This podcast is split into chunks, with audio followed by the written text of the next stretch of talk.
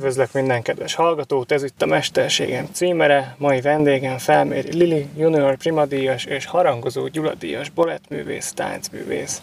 Üdvözöllek! Sok szeretettel köszöntök minden kedves hallgatót. Lili, meséld el nekünk, hogyan jut el valaki az első gyermekkori balettlépéstől az operaház színpadára? Hú, hát ez egy ez azért egy hosszú út, és ez nem egyik pillanatról a másikra történik. Én négy éves voltam, amikor elkerültem Őrmezőre, ott ismerkedtem meg a tánccal tulajdonképpen. Az ottani közösségi házba Bélavári Panninini volt a mesternőm, és egy jazz balett tanfolyamra kerültem, és ott ő volt az, aki megszerettette velem tulajdonképpen a táncot, a táncművészetet. És ő tehetségesnek gondolt, és nagyon javasolta, hogy talán érdemes lenne komolyabban gondolkozni, és, és megpróbálni bekerülni a, az akkor még táncművészeti főiskolára, ami most már egyébként egyetem. És hát tulajdonképpen először az előkészítő tanfolyamra vettek fel, majd onnan a főiskolára, és az egy kilenc éves képzés, azt elvégeztem, majd onnan az operaházba szerződtem. Tehát így nagyon nagy vonalakban uh-huh. ez volt eddig az életutam. Van esetleg egy olyan életkor, ami után már nem érdemes elkezdeni balettozni ahhoz, hogy valaki befusson? Hát ez bizony egy jó kérdés, mert tényleg fiatalon kell elkezdeni. Tehát én azt gondolom, hogy ilyen négy-öt évesen, ha, ha tényleg az ember elkezd balettozni, akkor az ideális. Nyilván a testi adottságok, a testfejlődése, tehát nagyon sok minden befolyásolja, tehát nem véletlen, hogy időskorban azért ezt komolyan nem lehet űzni, vagy legalábbis elkezdeni balettművészé válni. Tehát akkor az nem opció, hogy 20 évesen valaki beiratkozik, és akkor irány a világhírnél. Nem, nem. Szerencsére ma már azért nem profi szinten, de ilyen amatőr szinten azért nagyon sok helyre el lehet menni balettozni, tehát a tánc szeretetét azért kipróbálhatja mindenki, de hogyha valaki hivatásos balettművész szeretne lenni, akkor azt érdemes korán elkezdeni. Te már gyermekként elveszted a balettozást, vagy inkább ez egyfajta kötelező szabadidős program volt, valaki túszni iratnak be, valakit balettozni? Mikor jött ez a pont, hogy élvezted is a balettórát? Órákat? Az az igazság, hogy pont úszni is jártam, amit sosem szerettem, és jártam ugye balettra is, amit viszont első másodperctől kezdve. Tehát a baletteremben nagyon otthonosan mozogtam, nagyon jól éreztem magam, és ezt a szüleim is látták, és ők mindig támogattak, úgyhogy a, az úszást azt is, abba is hagytam nagyon hamar, és, és a balett meg tényleg mindig akkora örömet okozott, hogy, hogy ezt engedték és hagyták és támogattak, és azóta is egyébként kitart ez a lelkesedésem. Tehát ez egy ilyen életre szóló szerelem. Meg tudod fogalmazni, hogy mi fogott meg a balettben? Vallom, négy évesen még abszolút nem tudtam, hogy mit jelent az, hogy balett vagy klasszikus balett. Ö, azt éreztem, hogy, hogy igazán szabad tudok lenni, amikor táncolok. Ö, aztán persze később idővel, amikor már előadásokat néztem, amikor komolyabbra fordult az egész, akkor természetes, hogy ezek is nagyon fontos állomások, hogy az ember megnéz egy, egy három felvonásos balettet, és az mekkora hatással van rá, hogy az ember oda álmodja magát esetleg a színpad közepére. Tehát ezek nekem is megvoltak, de azért négy éves évesen még tényleg csak azt élveztem, hogy szabadon táncolhatok. Még nem kellett, nem tudom, koreográfiákat tanulni, nem kellett egy történetet elmesélni, hanem tényleg az ember csak, csak találkozott a tánclépésekkel, és megszerettem őket. Aztán nyilvánvalóan most már azért teljesen másról szól. Most is, most is szabadnak érzem magam, amikor táncolok, de természetesen szerepet kell formálni, komoly technikai tudásnak kell lenni, tehát nagyon sok mindennek kell megfelelni. Szerintem a, a balettművészet az egy közös nevezője a színművészetnek és az élsportnak, hiszen hihetetlen fizikai munkát végeztek a színpadon, és akár csak a színészek elmeséltek egy történetet, úgyhogy le a kalappal előttetek. Hogyan készített fel magad mind mentálisan, mind fizikailag, hogy eleget tudjál tenni a szerep által elvárt kihívásoknak? Igen, ez valóban így van, hogy mi csak tánc mozdulatokkal beszélünk. Tehát ugye nem nyitjuk ki a szánkat, és nem mondunk szavakat, és mégis ugye nagyon komoly történeteket és hosszú történeteket el kell tudnunk mesélni és szerintem ez is csodálatos amúgy a táncművészetben és a balettművészetben, hogy nekünk csak a testünk és a mozdulataink szolgálnak erre. Az az igazság, hogy épp úgy a mentális és a fizikális felkészülés nagyon-nagyon fontos, tehát ez a kettő, ez így kiegészül jó esetben. Mindig, ugye nyilván az sem mindegy, hogy milyen balettet próbálunk, ugye nagyon fontos, hogy tudjuk a történetet, hogy tisztában legyek a saját karakterem felépítésével, ugyanakkor nyilván a mozdulatsor elsajátítása, a koreográfiának a, a, a tiszta betanulása, megtanulása tehát ezek mind-mind-mind így, így összességébe fognak egy egészet adni, és azért egy felkészülési folyamat általában két-három-négy hét is. Ugye amikor premierekre készülünk, akkor ez gyakran még több is lehet akár amikor betanító balettmesterek jönnek, és ugye ö, sok esetben ugye nagyon ragaszkodnak ahhoz, hogy az ember azt a koreográfiát tanulja meg, amit sok-sok évvel ezelőtt a koreográfus megálmodott. Tehát ö, ö, ezek a, ez a próba folyamat egyébként legalább annyira fontos, mint az előadások maga, az előadás sorozat, hiszen ez egy, ez egy nagyon, nagyon komoly, több héten keresztül át tartó ö, munkafolyamat, és az, hogy az előadások jól sikerüljenek, ez ugye nagyban befolyásolja, hogy milyen volt az azt megelőző pár hét. Mennyire kötött ez a koreográfia, amit megálmodtak több tíz évvel ezelőtt? Van mozgástere a jelenlegi direktornak? Vagy az az igazság, hogy azért, azért nagyon, nagyon ragaszkodnak hozzá a jogörökösök, úgyhogy ezért is van, hogy sokszor külföldről érkeznek betanítók, és bizony nagyon megkövetelik azt, hogy az adott koreográfiát pontosan, nagyon precízen tanuljuk be, és, és azt táncoljuk. Tehát azért szabad kezet úgy nem kapunk, hogy, hogy azt csinálhatunk, amit csak szeretnénk.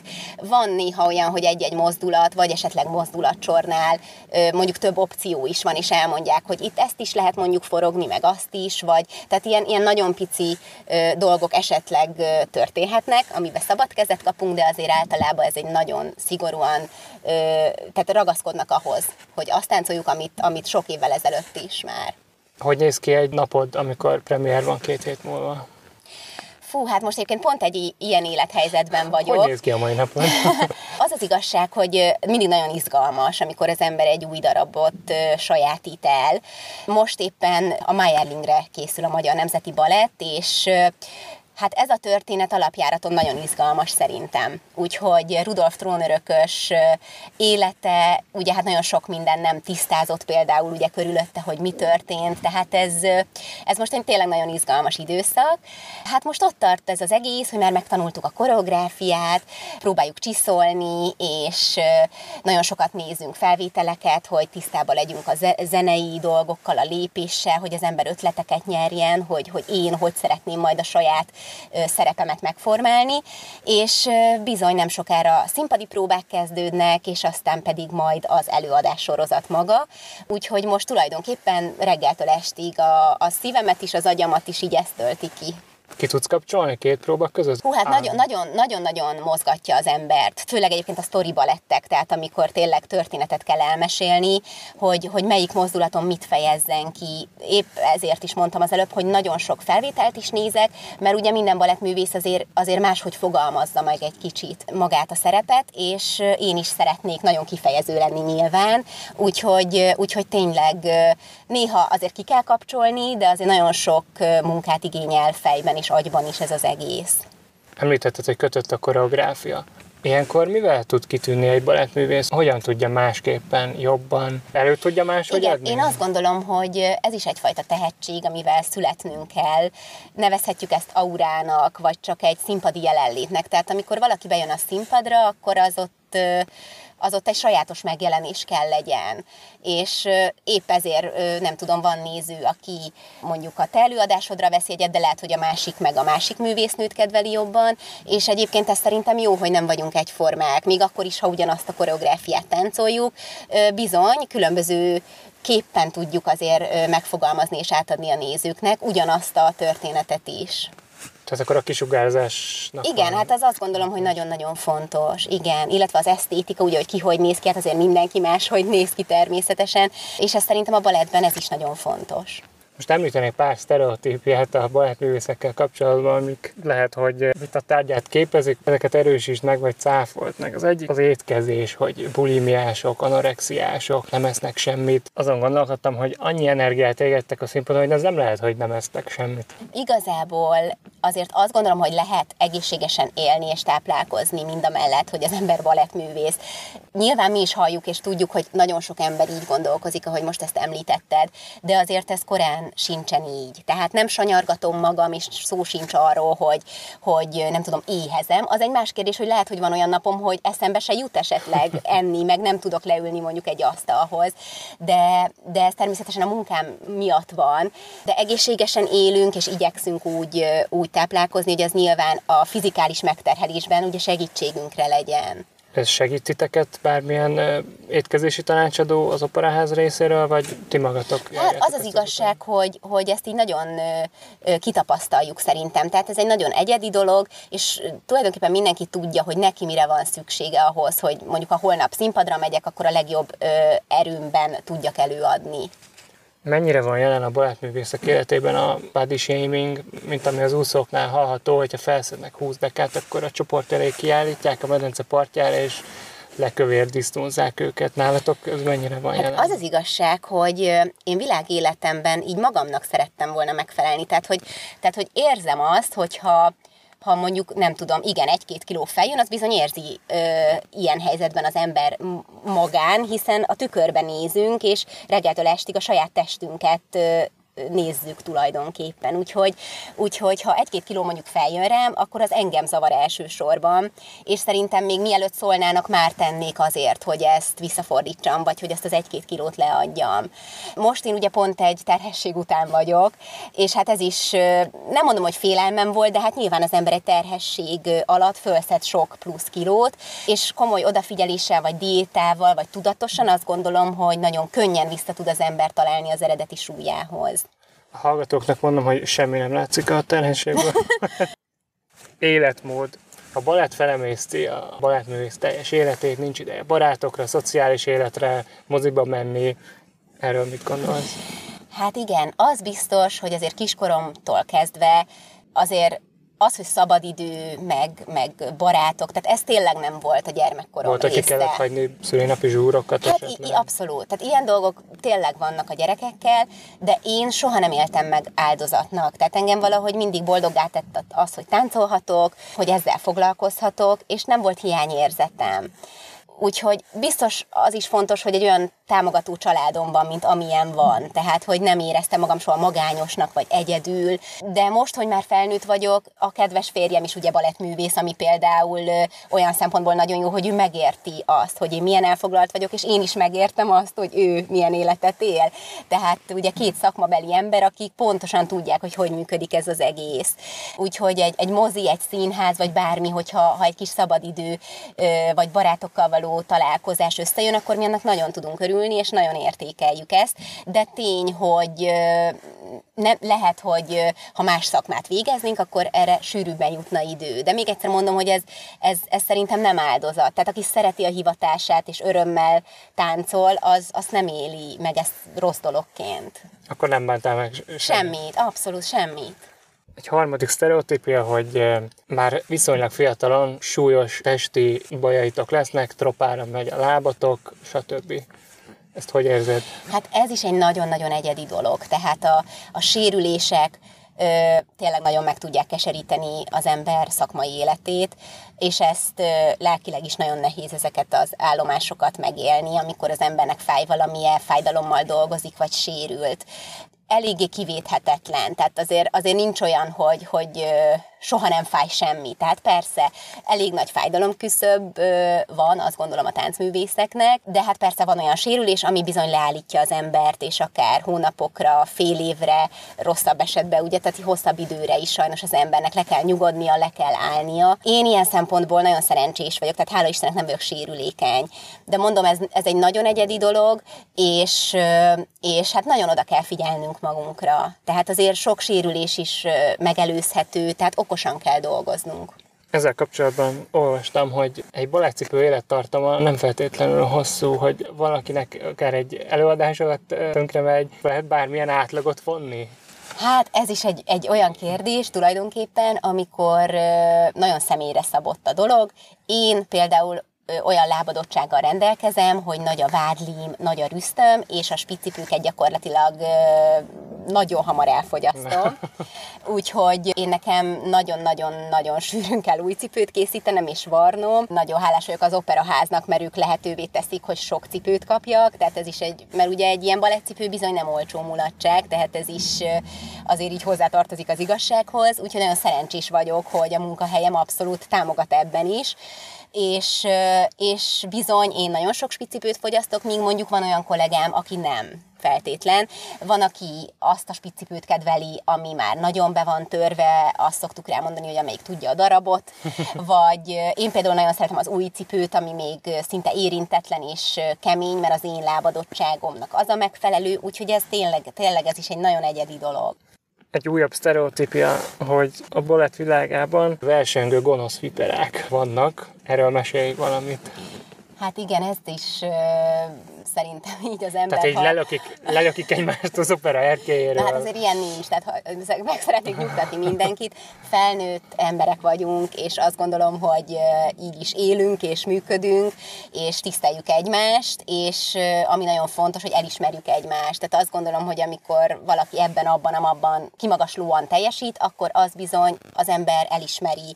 Az is nagyon igaz erre a szakmára, hogy az a legjobb, ha önmagunkra figyelünk. Ez nagyon fontos. Tehát, hogy arra fókuszálsz, hogy te veled mi történik, és hogy az én életem, pályám hogy alakuljon, vagy alakul. Nem kell azt gondolom foglalkozni hosszadalmasan másokkal, de természetesen, hogy más emberek sikereit is látjuk, és egyébként ez is inkább ösztönöz, vagy inspirál arra, hogy, hogy én mit és hogy akarok a továbbiakba. Úgyhogy azért, azért ilyen, ilyen nincsen, hogy nem tudom, lelökik egymást az emberek. Amikor iskolás voltam, akkor azért az más. Tehát a gyerekek nagyon őszinték mhm. egymással, és szerintem a gyerekek körében sokkal inkább tud ez a féltékenykedés vagy irítség esetleg megmutatkozni. Mondjuk megkapsz egy szerepet, és akkor a másik is elsírja magát. Tehát ilyen azért azt gondolom nem felnőtt korban uh-huh. ö, mhm. mutatkozik ők az igazán. sírnak. Ö, de, hogy, de hogy nyilván, amikor az ember ö, kislány, és még esetleg nem is tapasztalt ilyet, tehát akkor, akkor nehezebb ezeket feldolgozni. Akkor ezeket könnyen kezeled? Igen, mondjuk ebbe a férjem is nagyon nagy segítség volt, mert ő nagyon jó látásmóddal rendelkezik, tehát hogy igyekszem magamra figyelni és a, nyilván a jó dolgokra fókuszálni, és abból erőt meríteni. Említetted a férjedet, ő is balettművész. Egymás legnagyobb kritikusai vagytok? Hú, hát egymás legnagyobb támogatói, de ugyanakkor, ugyanakkor nagyon őszintén elmondjuk egymásnak. Tehát tudom, hogy ha ő bármilyen kritikával illet, akkor ezt komolyan gondolja, és azért mondja, hogy segítsen, és, és tényleg támogasson. Úgyhogy Úgyhogy szerintem így tudjuk, hogy egymástól az őszinte igazat kapjuk meg, és szerintem ez nagyon fontos. Egy újabb sztereotípia, hogy viszonylag fiatal korban abba hagyják a balettművészek a, a balettozást. Úgy, rengeteg sztereotípia van, azt hiszem velünk kapcsolatban, igen. úristen. Hát igen, azt tudni kell, hogy nem tart örökké. Tehát, hogy ez is ez is olyan, hogy van, aki mondjuk 45 éves koráig tudja jó fizikummal csinálni ezt, van, aki esetleg előbb abba hagyja. Nagyon fontos az, hogy ki mennyire sérülékeny, ki hogy bírja, hogy viseli, ugye. Nyilvánvalóan, ha mondjuk nem tudom, fájdalmai vannak az embernek, akkor nyilván nem erőlteti, tehát itt ilyen dolgokra kell gondolni. De azért azt gondolom, hogy 45 éves korig azért az egy csodálatos pálya, hogyha az ember addig aktív tud maradni. Utána is a balett világában szeretnél dolgozni? Ez egy nagyon nehéz kérdés, de egyébként igen. Tehát, hogy engem a pedagógia nagyon érdekel, és nyilván a táncművészet területén szeretnék maradni, de nem zárkózom el egyébként más dologtól se. Tehát ez egy nagyon nehéz kérdés, amit egyébként mindig föltesznek nekünk, és teljesen érthető, hiszen 45 évesen azért még fiatal az ember, Persze. és nagyon nehéz az, hogy csak ehhez értünk. És igazából időnk sincs kitanulni mondjuk egy másik szakmát, tehát ez ijesztő is ez egyben. Egy kör. Igen, és ijesztő az, hogy na akkor 45 évesen mihez kezdek az életemmel. És nincs nap, hogy szerintem ne gondolnánk erre mi táncművészek művészek, hogy mikor lesz majd meg így a konkrét válasz, azt még most nem tudom. Mit fogsz majd szólni hozzá, ha a kisfiat bejelenti otthon, hogy ő balettozni szeretne? Hát beszélgetünk már a férjemmel erről a dologról, bevallom, nem szeretnénk, hogy táncművész legyen, tehát ha most így választhatnék én anyukaként, és szerencsére nem kell választanom, hogy mi legyen belőle, nem, nem ragaszkodnék hozzá. Viszont, ha tehetsége lenne hozzá és szeretné, biztos, hogy támogatnánk. De azért nem sétáltok az Andrássy úton az Nem, de pont ezt akartam mondani, hogy nyilván az ő életének is azért része lesz a színház, és része lesz az operaház, és, és szeretném, hogy jöjjön és csodáljon minket, és hogy remélem, hogy büszke lesz majd ránk, és hogy, hogy tud, tud majd jönni sok előadást megnézni, és szóval szeretném, hogyha ha, ha ez az egész azért tényleg kicsit így, így az ő életének is a része lenne, de azért nehéz ezt így megjósolni, hogy akkor ez milyen hatással lesz ugye rá, de hát meglátjuk, hogy miben van tehetsége, és mi az, ami örömet okoz neki. Már a pocakodban is tapasztalta Így van, én hét, hét hónapos koromig dolgoztam vele, aztán kitört a nyári szünet, és hát hallgatta a zongorát, és igazából abszolút, tehát ott volt velem a teremben. A balett mozdulatok alkotnak egyfajta nyelvrendszert, tehát hogyha ugrasz két dömiplét, akkor az azt jelenti, hogy szeretlek, ha hármat, akkor utállak, vagy nincs konkrét jelentése, és a nézőkre van bízva, hogy ők mit látnak bele. Igen, hát minden lépésünknek van egy elnevezése. Ezek francia kifejezések, és ezt már gyakorlatilag első pillanattól kezdve tanuljuk az iskolában. És ezeket használjuk ugye napi szinten folyamatosan, tehát olyan, mintha nem tudom magyarul beszélni hozzám, tehát annyira normálisan rögtön értem, hogy mit kell csinálni.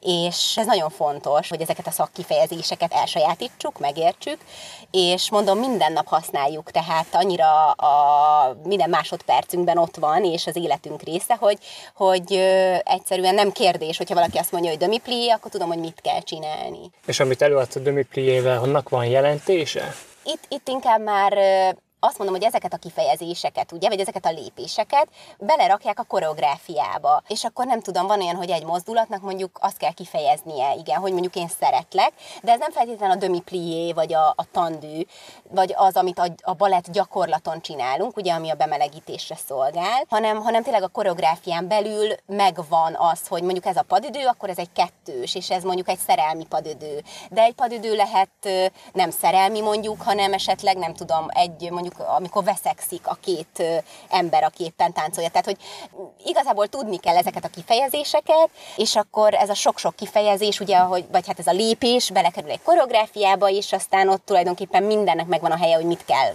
hol kifejezni. Hú, nem tudom, hogy ez most így nagyon kacifántosra sikerült-e.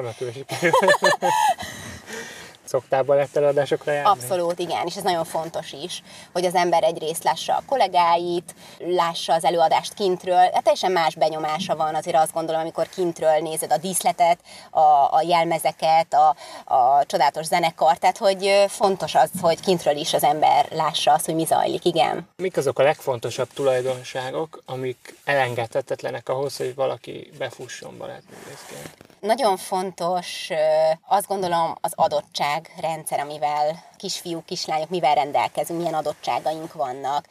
Az, hogy ki milyen szorgalmas, azt gondolom hihetetlen fontos, hogy mekkora szorgalma van az embernek. Nagyon fontos a hite, azt gondolom. Tehát, hogy én hiszek a jó Istenben, hiszek abban, hogy jó úton járok, hogy ő segíti az én pályámat, az én életemet, és nyilván hiszek a, a tánc iránti szeretetembe is, tehát a, az elhivatottság is nagyon fontos. Ugyanakkor azt gondolom, hogy a szerencse is nagyon fontos, mint ahogy az életben amúgy bármiről legyen szó, nagyon jó, ha az ember szerencsés, hogy jókor, jó időben legyek ott, és nem tudom, engem választanak, vagy én legyek alkalmas egy adott feladatra, szerepre.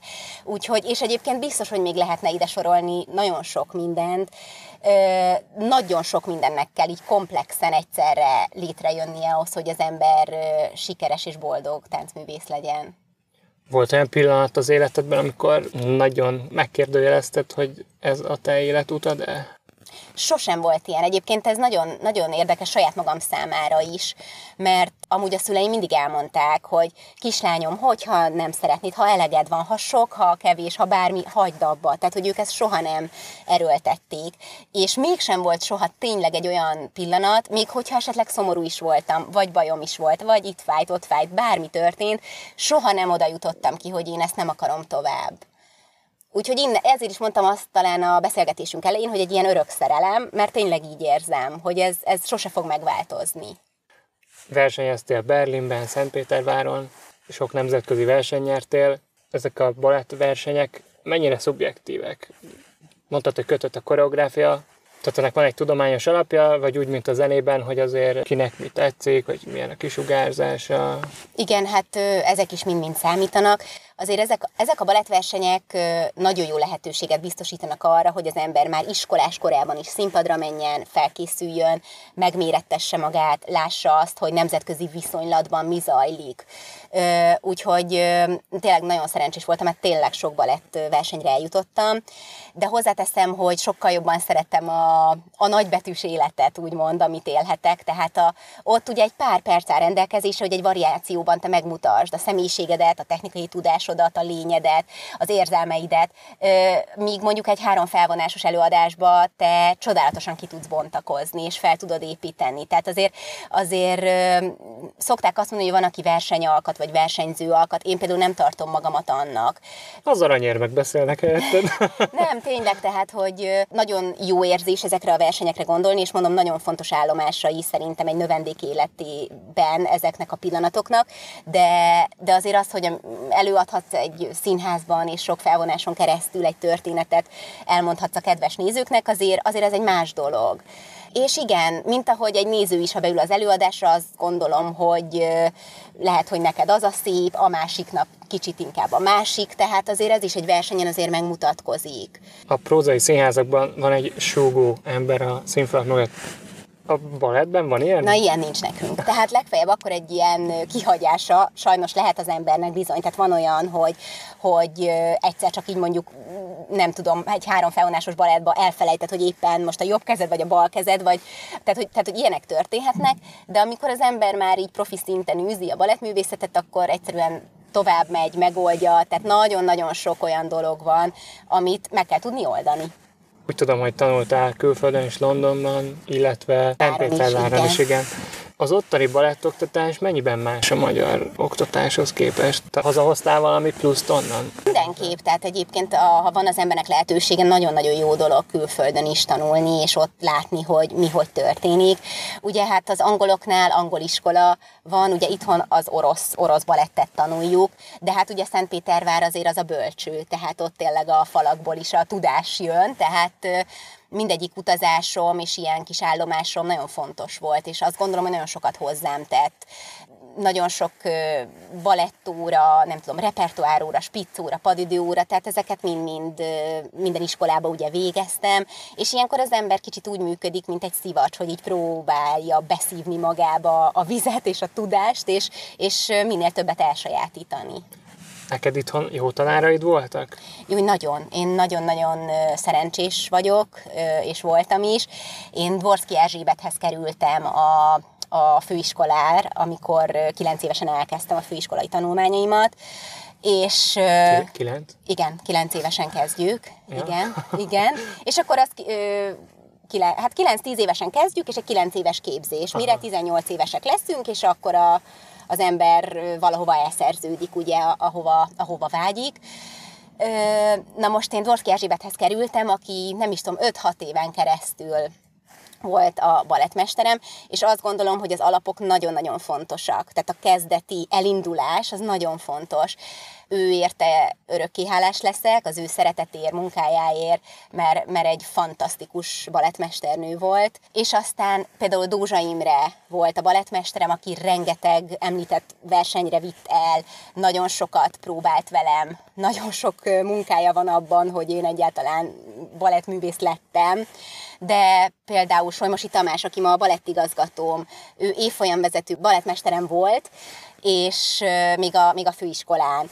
Ő is nagyon sokat dolgozott, az egész évfolyammal padidőztünk, próbáltunk, tehát hogy folyamatosan olyan emberekkel dolgozhattam, akik nagyon sok energiát fektettek abba bele, hogy akár én, akár a, nem tudom, a, a, az adott osztálytársaim, tehát hogy jó táncművészekké tudjunk érni és nem akarok senkit kiadni, most hát ezt még csak azért mondom, mert, mert, mert, mert azóta is, hogy az operába vagyok, tehát nagyon sok emberrel volt szerencsém, és van szerencsém dolgozni, tehát kell a szerencse, de azt gondolom, hogy én nagyon szerencsés vagyok. Mesélnél egy kicsit a Magyar Nemzeti Balett táncos titulusairól? Ezek a laikusoknak kacifántosnak tűnnek. ezt elhiszem, mert uh, ugye különböző státuszaink vannak, igen. és igen, azt gondolom, hogy a laikus emberek annyira nem látják ezt, és nem láthatják át. Ugye hát vannak a kartáncosok, akiknél szintén azt hiszem három csoport van egyébként, de ők összességében a kartáncosok. Aztán vannak olyan emberkéink, akik címzetes magántáncosok. Ők a kis szólisták. Én egyébként ilyen státuszba kerültem be az operaházba, amikor elvégeztem a, a főiskolát, tehát én így kezdtem a pályámat. És tulajdonképpen vannak a magántáncosok, akiknél megint csak egyébként megkülönböztetünk principálokat, vezető magántáncosokat, magántáncosokat, de lényegében ők a szólisták. Tehát aki, aki laikus, azt gondolom, hogy talán így érti meg a legkönnyebben, hogy ők a szólisták, kis szólisták, kartáncosok. És te voltál a 2015-16-os évad etoája is, ugye? Akkor ez nem egy tánc kategória, hanem ez egy díj. Ez egy, ez egy csodálatos díja a, az operaháznak, amit a, a Magyar Nemzeti Balett ből szokott kapni minden évben egy táncművész, akit méltónak találnak arra, igen, hogy ezt a díjat odaítéljék neki. A szerepábrázolásait során előfordult már olyan, hogy nem tudtál azonosulni az általad megformált karakterrel? Igen, hát egyébként létezik ilyen, de az én esetemben azért általában én ilyen naivákat igyekszem megtestesíteni, és, és ez azért hála Istennek jól megy, tehát hogy nem, nem áll tőlem távol. De azért igen, van olyan, hogy egy szerep közelebb áll az emberhez, és esetleg olyan is van, hogy nem olyan könnyű azonosulni vele, vagy nem megy olyan gyorsan. Tehát lehet, hogy egy kicsit több idő kell például egy olyan szerephez, ami, ami nem rögtön talál meg. Hogy látod, átadják az operaházat márciusban? Hát igen, most elképesztően várja az együttes, mert mi most már napokon belül úgymond elfoglalhatjuk, vagy visszafoglalhatjuk az operaházat, és ott lesz ez a Meyerling premier, amiről beszélgettünk már egy keveset. Négy és fél év mögöttünk, ami nagyon nehéz volt, mert nem volt operaház, mert itt volt a Covid, ugye az egész színházi életbe azért ez eléggé belecsúnyított. Úgyhogy én azt gondolom, hogy hihetetlen erőket mozgat ez, ez az egész most, hogy, hogy mehetünk mehetünk, és újra az Operaház színpadán állhatunk, úgyhogy mindenkit nagyon nagy szeretettel várunk, és márciustól megállíthatatlanok leszünk, azt gondolom. Na, drukkolunk, és köszönöm a beszélgetést. Nagyon szépen köszönöm, én köszönöm.